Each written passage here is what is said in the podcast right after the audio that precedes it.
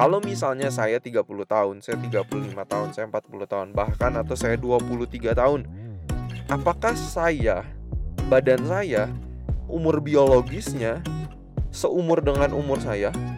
Atau sebenarnya oleh karena kebiasaan hidup kita yang gak sehat, tubuh kita itu udah lebih tua gitu rusaknya sel-sel di tubuh kita apakah itu bisa kita perlambat prosesnya itulah yang bisa kita lakukan. Kita nggak bisa stop aging process nggak bisa. Tubuh mereka usianya masih muda tapi secara biologis tubuh mereka mungkin kesehatan pembuluh darah mereka tuh udah kayak kesehatan pembuluh darah orang di umur 60-70 tahun gitu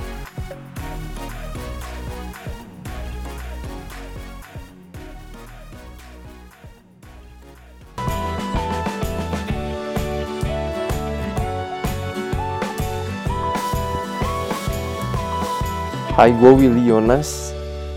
Selamat datang di podcast Sehat Seutuhnya. Halo semuanya, selamat datang lagi di podcast Sehat Seutuhnya bersama saya Willy Yonas. Sebelum kita mulai episode podcast kali ini, saya mau ngucapin terima kasih sebanyak-banyaknya buat teman-teman yang selalu mendengarkan podcast Sehat Seutuhnya. I really appreciate it karena oleh karena ada orang-orang yang ngedengerin podcast ini, itulah yang um, terus mendorong saya membuat episode-episode selanjutnya gitu kan. So, thank you so much, thank you so much dan buat teman-teman kalau ada topik kesehatan yang teman-teman pengen denger, topik kesehatan yang pengen diulas uh, supaya nanti boleh saya gali lebih dalam, saya cari penelitiannya, saya bacain penelitian-penelitiannya supaya saya tahu lebih dalam juga supaya apa yang saya bagikan atau sharingkan itu merupakan evidence base ya uh, dari bukti-bukti ilmiah itulah yang informasi kesehatan yang ingin saya bagikan. Dan thank you banget bener-bener saya sangat uh, mau mengucapkan terima kasih dari uh, from the bottom of my heart uh, karena saya sangat-sangat senang melihat ada beberapa pendengar podcast sehat seutuhnya yang sudah mulai melakukan plant-based diet, sudah mulai merasakan uh, dampaknya, impactnya, sudah bisa mengalami weight loss, udah bisa turun ya turun timbangan, dan banyak yang lainnya bahkan dari yang sakit menstruasinya pun bisa berkurang. Luar biasa banget, saya seneng banget karena itulah uh, passion saya. Saya seneng kalau bisa melihat orang lain juga sehat. Itu yang saya pengen lihat. Saya seneng dan buat teman-teman kalau misalnya teman-teman terberkati uh, teman-teman feel blessed ya dengan konten-konten yang kita bagiin, boleh sharingkan ke teman-teman yang lain kita pengen juga lebih banyak orang yang lebih peduli kesehatan. So itu uh, sedikit yang saya mau sharing sebelum kita mulai episode podcast kali ini. Di episode podcast kali ini ini kita bakal ngomongin hal yang sangat menarik kalau menurut saya secara pribadi yang waktu itu sempat saya sudah post di Instagram kita ya itu mengenai biological age versus chronological age. Umur biologis versus umur kronologis. Nah, ini apa sih sebenarnya? Mungkin kalau dari kata-katanya juga teman-teman udah tahu gitu. Kalau kita mulai dari umur kronologis deh. Uh, umur kronologis itu kan dihitung sejak kita lahir gitu. Oke lah, kita lahir umur 0, udah gitu tahun depannya umur 1, 2, 3, 4 uh, dan seterusnya berapapun umur kita sekarang misalnya kita umur 30 tahun, ya kita lahir tahun 1990. Sekarang di 2020 ya kita umur 30 tahun secara kronologis. Oke.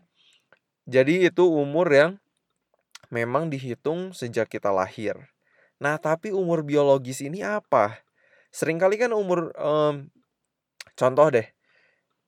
Mungkin supaya ilustrasi supaya cepat nangkep lah ya ada orang misalnya yang sama-sama sama-sama seumur tapi mungkin kelihatannya lebih tua misalnya gitu kan kayak lebih kelihatan lebih tua daripada umurnya.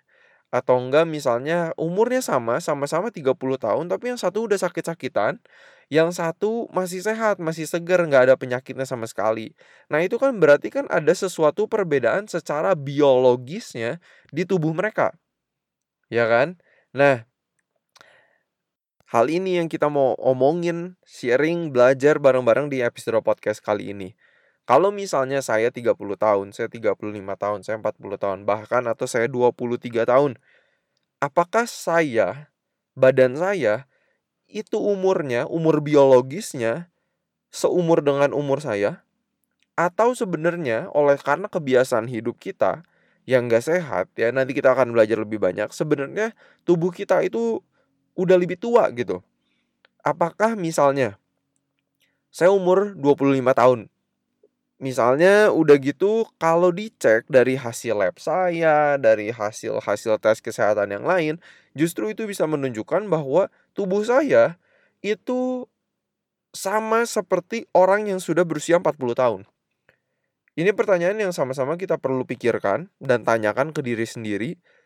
Umur saya secara kronologis itu segini, tetapi apakah umur biologis saya itu sama? Satu hal yang sama yang kita tahu, semua orang pasti jadi makin tua. Gak ada orang yang bisa awet muda terus gak ada. Dan kalau kita semakin tua, pasti badan kita itu makin ya udah namanya juga udah udah lama dipakai sel-selnya jadi kurang baik, nggak semaksimal kalau kita muda, pembuluh darah kita nggak terlalu sesehat atau semulus atau sefleksibel ketika kita masih muda, gitu kan. Jadi proses penuaan, proses aging itu adalah satu proses degeneratif atau membuat sel-sel kita ya jadi nggak sesehat kita muda gitu. Dan itu satu proses yang kita nggak bisa stop. Kita nggak bisa stop. Yang akhirnya kalau kita semakin tua, semakin tua, ini adalah satu faktor resiko yang kita nggak bisa ubah. Oke. Dan ini adalah faktor resiko yang paling besar terhadap kematian ya kan? Oke, faktor kematian kita bisa e, meninggal oleh karena banyak hal. Misalnya sakit jantung, stroke, diabetes, hipertensi dan yang lainnya, tetapi aging dengan bertambahnya tua itu aja sudah meningkatkan resiko kematian. Proses ini badan biologis kita makin tua, makin rusak, itu nggak bisa dipungkiri. Tapi yang kita mau belajar hari ini adalah apakah itu bisa kita slow down? Apakah itu bisa kita perlambat proses aging itu? Rusaknya pembuluh-pembuluh darah kita, rusaknya sel-sel di tubuh kita, apakah itu bisa kita perlambat prosesnya? Itulah yang bisa kita lakukan. Kita nggak bisa stop aging proses. Nggak bisa. Kita akan lihat bareng-bareng nanti apa aja sih faktornya yang membuat aging proses ini tuh lebih cepat sehingga kalau misalnya saya 25 tahun, teman saya ada yang 25 tahun juga, dengan lifestyle yang berbeda, dengan pola makan yang berbeda, dengan apakah kita merokok atau enggak, apakah kita minum alkohol atau enggak, jam tidur kita kayak gimana, seberapa sering kita olahraga, aging prosesnya bisa sangat berbeda. Kita bisa sama-sama umur 25 tahun, tapi karena lifestyle kita berbeda, usia biologis kita itu beda. Mungkin saya umur 25 contohnya. Tapi sebenarnya usia biologi saya, usia badan saya itu misalnya sama kayak anak umur 17 tahun misalnya. Tapi buat teman saya misalnya yang sama-sama 25 tahun, tapi dengan karena lifestyle yang berbeda, mungkin badannya itu bad, usia badan biologisnya itu udah seperti orang yang 30 tahun. Nah, gimana sih cara tahu usia biologis kita? Kalau misalnya iseng-iseng pengen tahu, uh, coba Google ada health age assessment. Uh, biasanya ada beberapa assessment, tapi pas saya di Amerika juga saya uh, tahu salah satu assessmentnya health age assessment. Biasanya ditanya uh, pola makannya gimana, apakah minum alkohol atau enggak, minum airnya berapa sering, jam tidurnya kayak gimana, stress levelnya gimana? Dan lain-lain. Terus itu bisa ada kalkulasi yang uh, aplikasinya lakuin.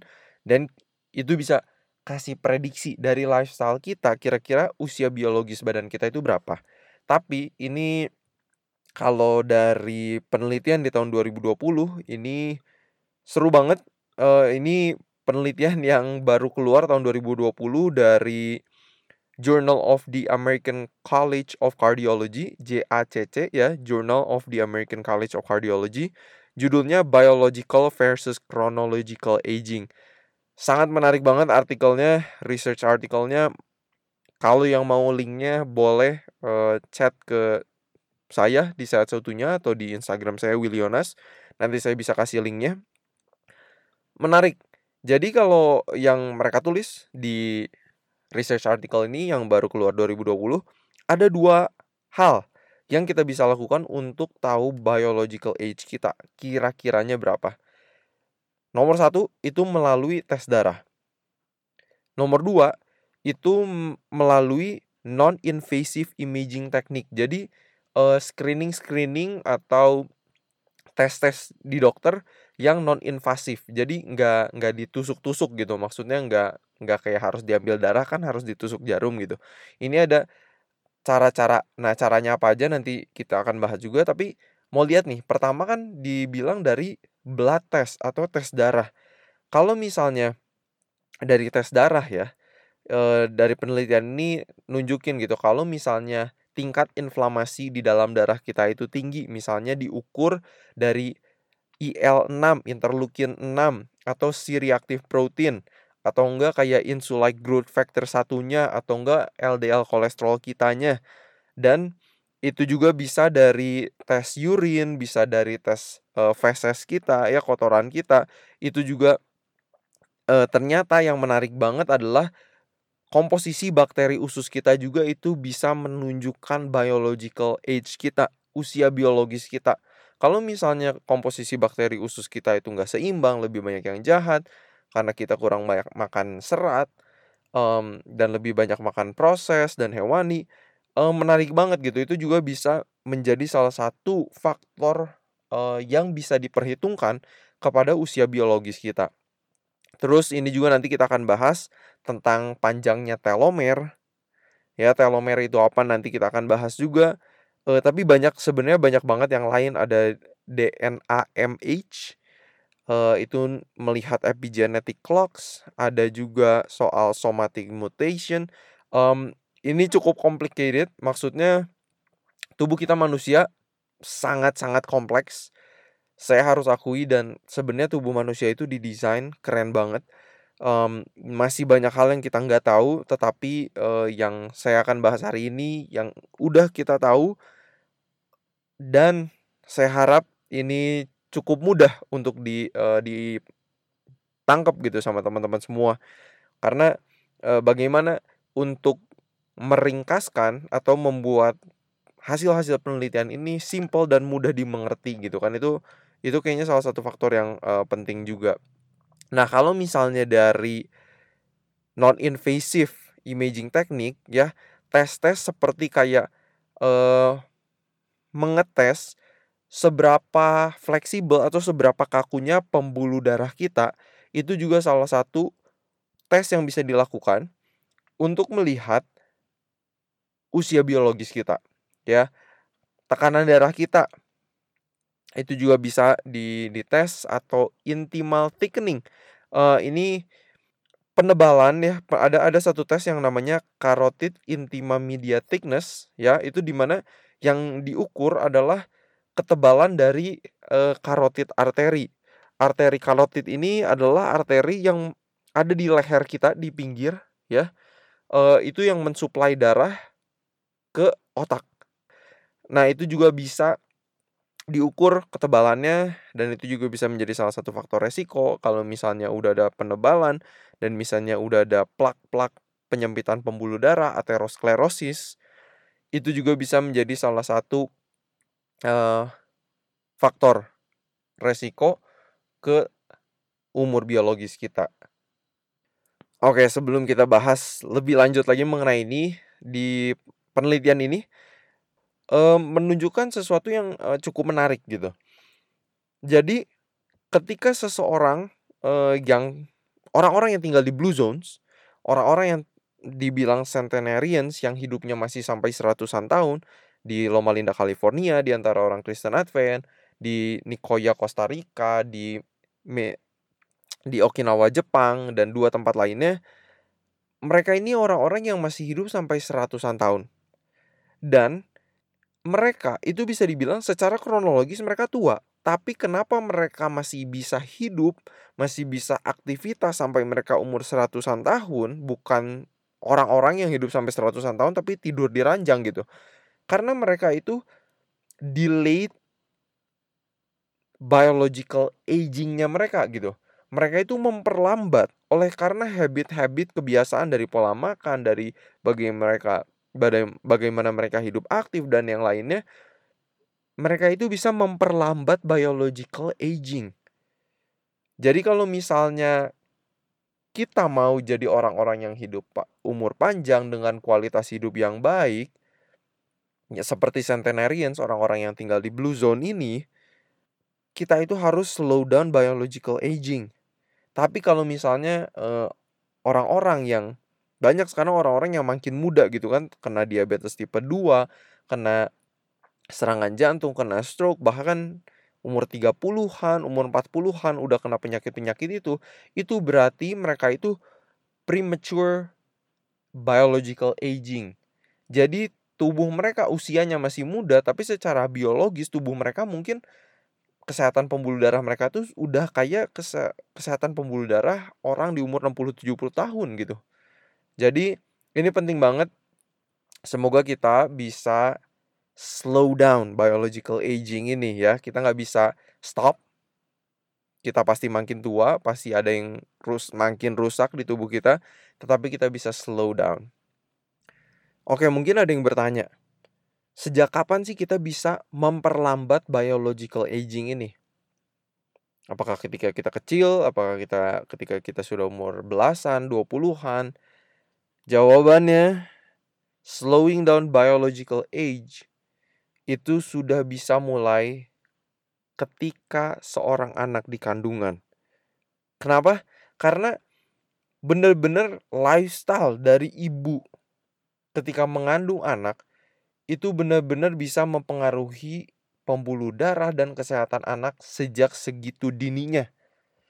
Ini menarik banget di penelitian ini juga menulis ada otopsi eh, penelitian-penelitian otopsi yang menemukan aterosklerosis atau penyempitan pembuluh darah dengan plak-plak di virus di janin. Coba bayangin, wow. Kalau misalnya ketika seseorang mengandung, ketika mereka merokok, ketika ibunya itu kolesterolnya tinggi, ya dicatat di penelitian ini, itu sudah bisa advancing biological aging di seorang anak. Coba bayangin, anak yang belum bisa memilih untuk mau makan apa, apakah mau merokok atau enggak. Tapi kalau ibunya sudah melakukan lifestyle-lifestyle yang gak bagus, kita itu sedang mempercepat biological aging dari anak tersebut. Sejak dia di kandungan, ngeri juga gak sih? Um, bukannya saya mau nakut-nakutin, tapi ini fakta penelitian yang sudah ada buat para perempuan perempuan itu punya role yang besar banget di kesehatan masa depan di generasi Indonesia selanjutnya, di generasi keluarga kalian seterusnya. Ibu punya peran yang besar banget. Jadi, saya pengen encourage, empower perempuan-perempuan, eh, wanita-wanita yang lagi dengar podcast ini jaga kesehatan dari muda, ya justru jaga kesehatan juga sebelum planning untuk punya anak. Benerin lifestyle dulu sebelum mau punya anak is the best is the best. Tapi kalau misalnya udah ada yang lagi hamil uh, it's never too late nggak pernah terlalu terlambat untuk makan lebih sehat olahraga tidur yang cukup kurangi alkohol. Ya konsumsi alkohol berhenti merokok nggak ada kata terlambat oke okay? there is always hope ya Selalu ada harapan, selalu ada harapan. Tapi yang saya suka juga dari penelitian ini adalah ada satu chart yang sangat komprehensif.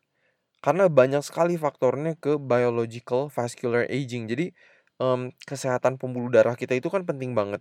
Uh, dan ini tuh sangat menentukan juga biological aging kita. ya Dan uh, dari segi lifestyle itu banyak banget ya. Tinggi konsumsi daging dan saturated fat atau lemak jenuh, tinggi asupan garam, tinggi asupan gula tambahan, merokok, minum alkohol, menggunakan narkoba, kalau misalnya kita uh, kurang olahraga, kurang hidup aktif, kurang tidur, kualitas tidur kita nggak bagus, bahkan faktor uh, polusi udara pun itu bisa menjadi salah satu faktor environment yang juga dapat mempengaruhi umur biologis kita. Jadi sering-sering juga ke alam ya, ke mampir ke kota Bandung, ke Bogor, tempat-tempat yang uh, daerahnya bagus banget, yang banyak alamnya, udaranya seger kalau kalian di Pulau Jawa. Terus uh, chronic stress ya, chronic stress itu juga menjadi salah satu faktor biological aging. Jadi stress management itu juga salah satu faktor yang terpenting banget.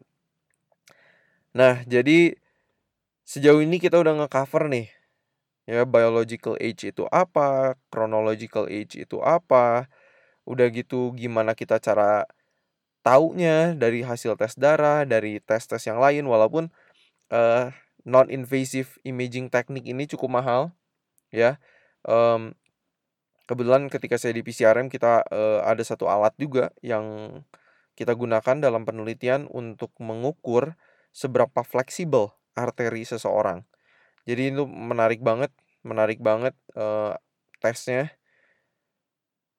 Tapi sebenarnya kalau kita melakukan healthy lifestyle walaupun misalnya tetap ya tes darah itu penting banget minimal kayak setahun sekali setahun dua dua kali satu tahun itu bagus banget penting banget walaupun kita muda kita perlu tes karena banyak juga anak-anak muda yang ternyata gampang banget sakit gitu gampang banget sakit ternyata kolesterolnya udah tinggi temen saya sendiri pun ada gitu di umur 20-an kolesterolnya udah tinggi asam uratnya udah tinggi dan ya biological age-nya bisa kita pikirkan itu kemungkinan lebih tua daripada umurnya karena dari hasil tes darahnya udah nggak bagus, udah banyak yang dibintangin gitu kan. Nah, salah satu yang bisa menilai dari biological age ini adalah panjangnya telomer. Nah, telomer ini apa sih sebenarnya? Ya ini mungkin sesuatu yang uh, kita nggak bisa tes kayak kita misalnya pergi ke klinik ke dokter ke ya klinik utama Pratama uh, kita minta gitu dok saya pengen dong dites telomernya gitu ini mungkin nggak bisa karena uh, ini masih banyaknya penelitian jadi salah satu penelitian yang paling terbaik menurut saya mengenai ini sejauh ini telah dilakukan oleh Dr. Dean Ornish ya dokter plant based yang keren banget oke sebelum kita masuk ke researchnya kita mau jawab dulu telomer itu apa sih Semoga saya bisa jelasinnya uh, sederhana. Ini ke kelas biologi lagi. Kalau misalnya teman-teman ingat, ya dalam satu sel manusia di tubuh manusia triliunan jumlah selnya. Tapi di dalam setiap sel itu ada yang namanya nukleus.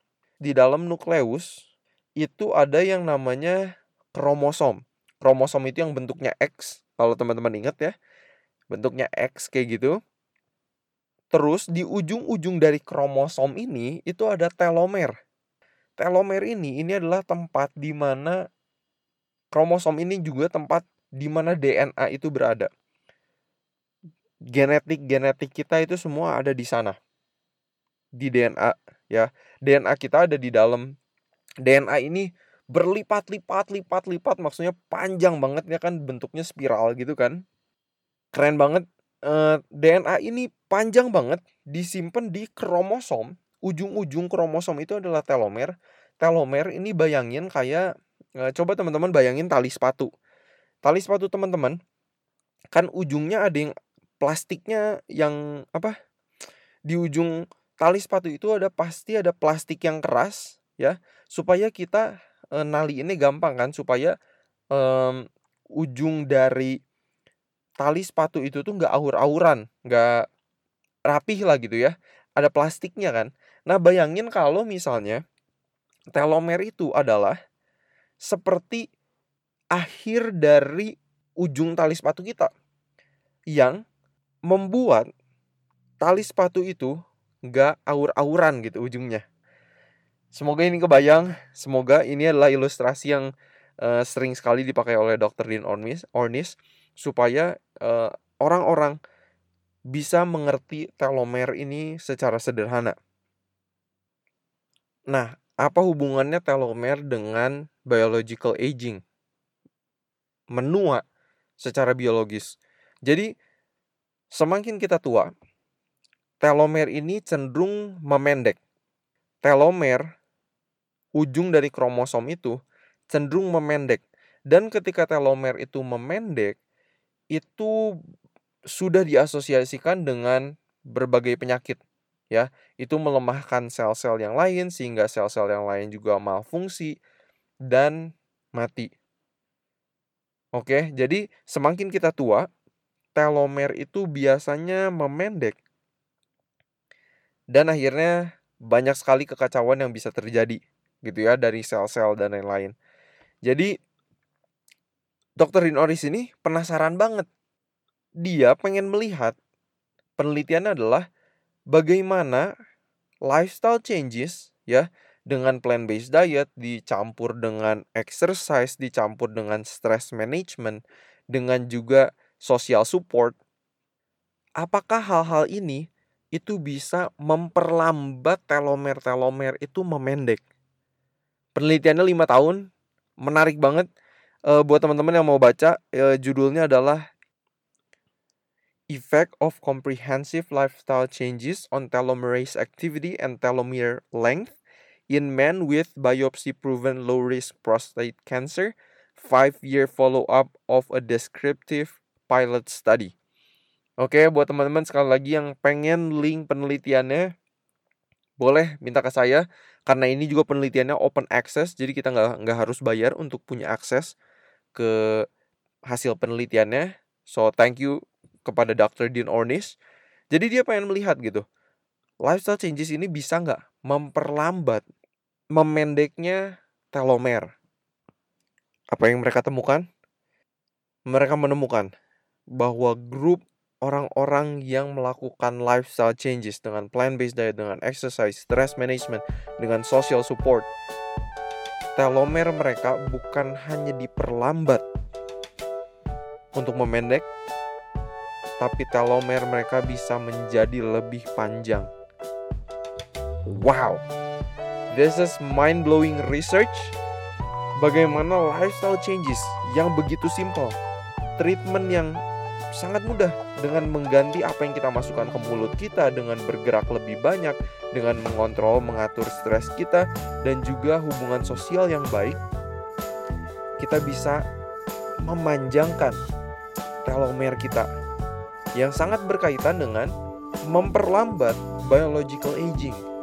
Isn't that something? This is so amazing. Inilah kenapa lifestyle changes itu efeknya profound. Efeknya kepada tubuh kita itu dalam banget dari lifestyle yang kita lakukan. Dokter Dinoni selalu berkata, kebetulan waktu itu saya pernah uh, ikut seminarnya konferensi kesehatannya satu kali uh, sangat luar biasa bisa melihat Dr. Dean Ornish langsung dan saya sangat terinspirasi dengan beliau. Beliau selalu bilang kayak gini. Penelitian-penelitian beliau menggunakan hal-hal yang simple bahkan murah. Lifestyle changes ini sangat murah. Tapi untuk membuktikan dengan teknologi medis yang luar biasa sampai bisa mengukur panjangnya telomer untuk membuktikan bahwa simple lifestyle changes efeknya itu besar banget sama tubuh kita. So teman-teman, ini yang saya mau bagiin. Saya excited banget dalam membagikan topik ini. Kalau kita mau lebih muda secara biologis, ya mungkin kita sekarang udah 30, 40. Don't worry. Kita bisa slow down biological aging dengan healthy lifestyle dengan makan plant-based diet, dengan bergerak lebih sering, exercise rutin, tidur yang cukup, stress management, dengan hubungan sosial yang baik, banyak sekali faktor-faktor yang lain, pergi ke alam, karena air pollution juga nyambung juga sama biological age. Aspeknya banyak, do what you can. Semoga kita bisa punya kualitas hidup yang baik, walaupun usia kronologi kita itu terus naik, nggak pernah nurun, tapi kita bersyukur kalau biological age itu kita bisa slow down bahkan telomer kita itu bisa memanjang ketika kita melakukan healthy lifestyle. So itu yang saya mau bagiin dan harapan saya seperti biasa semoga kita sehat seutuhnya.